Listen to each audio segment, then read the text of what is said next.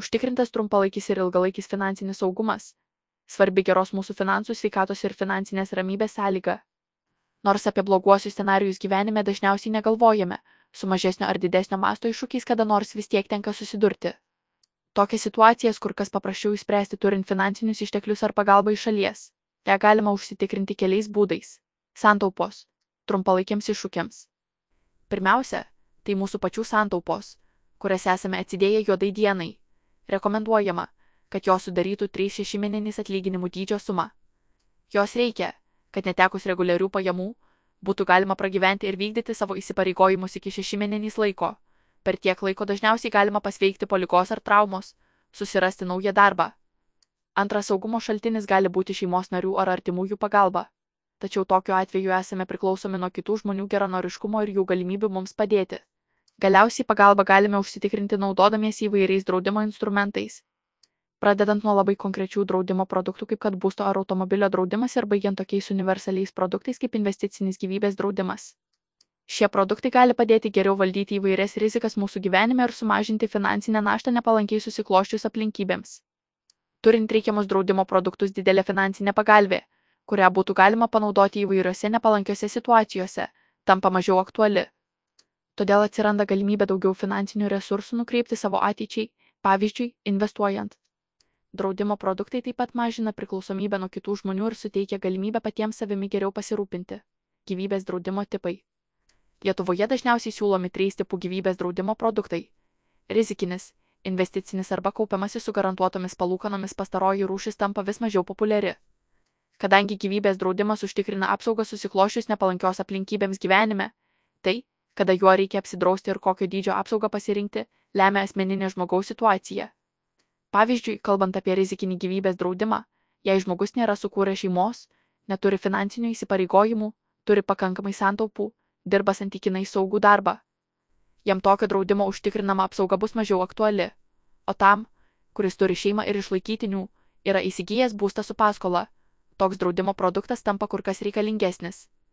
Apie gyvybės draudimą žmonės dažnai ima galvoti pasiemę paskolą būstui ir bandydami numatyti, kaip keistusi jų galimybės dengti paskolos įmokas nutikus nelaimiai.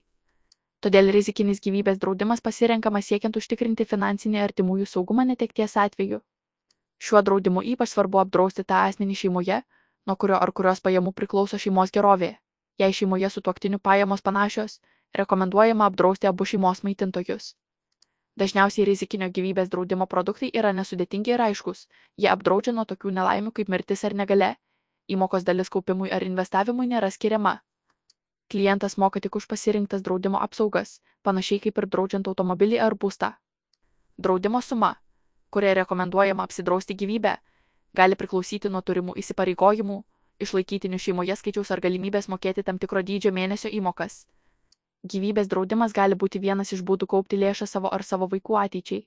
Toks produktas rinkoje vadinamas investiciniu gyvybės draudimu periodiškai mokant draudimo įmokas laikotarpio pabaigoje galima sukaupti pinigų sumą kuri išmokama sutartyje nurodytam asmeniui naudos gavėjui ar paveldėtojams tokiu būdu turint vieną sutartį galima patenkinti kelis poreikius užtikrinti finansinį artimųjų saugumą ir sukaupti lėšų ateičiai ką Svetbank rekomenduoja savo klientams.